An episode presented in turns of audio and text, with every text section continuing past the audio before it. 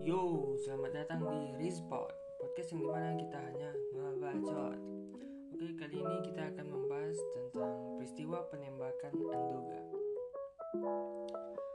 Aspek yang pertama dan utama signifikan dalam merespons peristiwa penembakan di Anduga, Papua ialah terjadinya pembunuhan terhadap karyawan PT Istaka Karya pada 2 Desember 2018.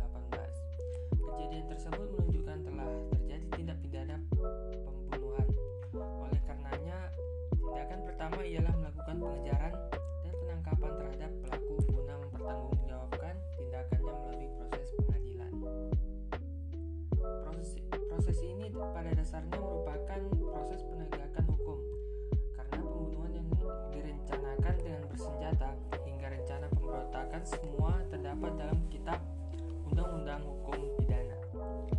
Namun, sebelum dapat mengajukan ke depan pengadilan, para pelaku pembunuhan kelompok kriminal separatis bersenjata atau bisa disebut dengan KKSB harus ditangkap karena KKSB memiliki senjata yang diperkirakan cukup banyak dengan kemampuan mobilitas mereka di medan Papua.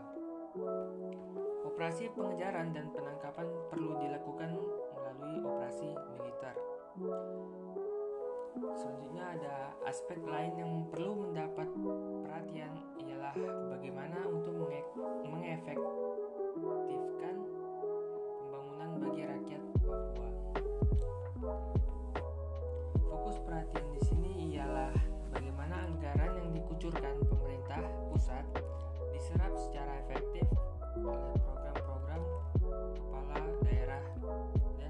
dirasakan manfaatnya oleh rakyat Papua. Pertama ialah bagaimana pemerintah melaksanakan pengawasan anggaran terhadap kepala daerah masing-masing. Pembangunan yang dimaksudkan berujung pada peningkatan kesejahteraan saja belum cukup. Kita perlu memahami apa yang tersirat di balik harapan mereka. Namun sebaliknya kita juga mempunyai ekspektasi terhadap mereka tentang kepatuhan terhadap konstitusi serta peraturan perundang-undangan. Untuk itu, diperlukan kesadaran dan efektivitas upaya fungsional dari saudara-saudara kita di tingkat pemerintah daerah untuk menjamin suksesnya pembangunan dan mempercepat efektivitas fasilitas otonomi khusus bagi peningkatan kesejahteraan saudara-saudara kita di Papua. Nah, dari data di atas dapat disimpulkan bahwa memang daerah Enduga termasuk terjadinya gangguan kekerasan bersenjata dari kelompok kriminal separatis bersenjata atau disebut KKSB.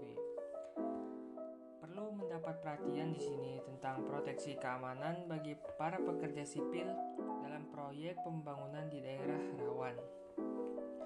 Alternatif lain ialah dengan keputusan Presiden mengerahkan TNI Nasional Indonesia untuk melaksanakan proyek pembangunan di daerah rawan seperti Enduga ini. Kegiatan ini sekali lagi merupakan bentuk kegiatan operasi militer selain perang dalam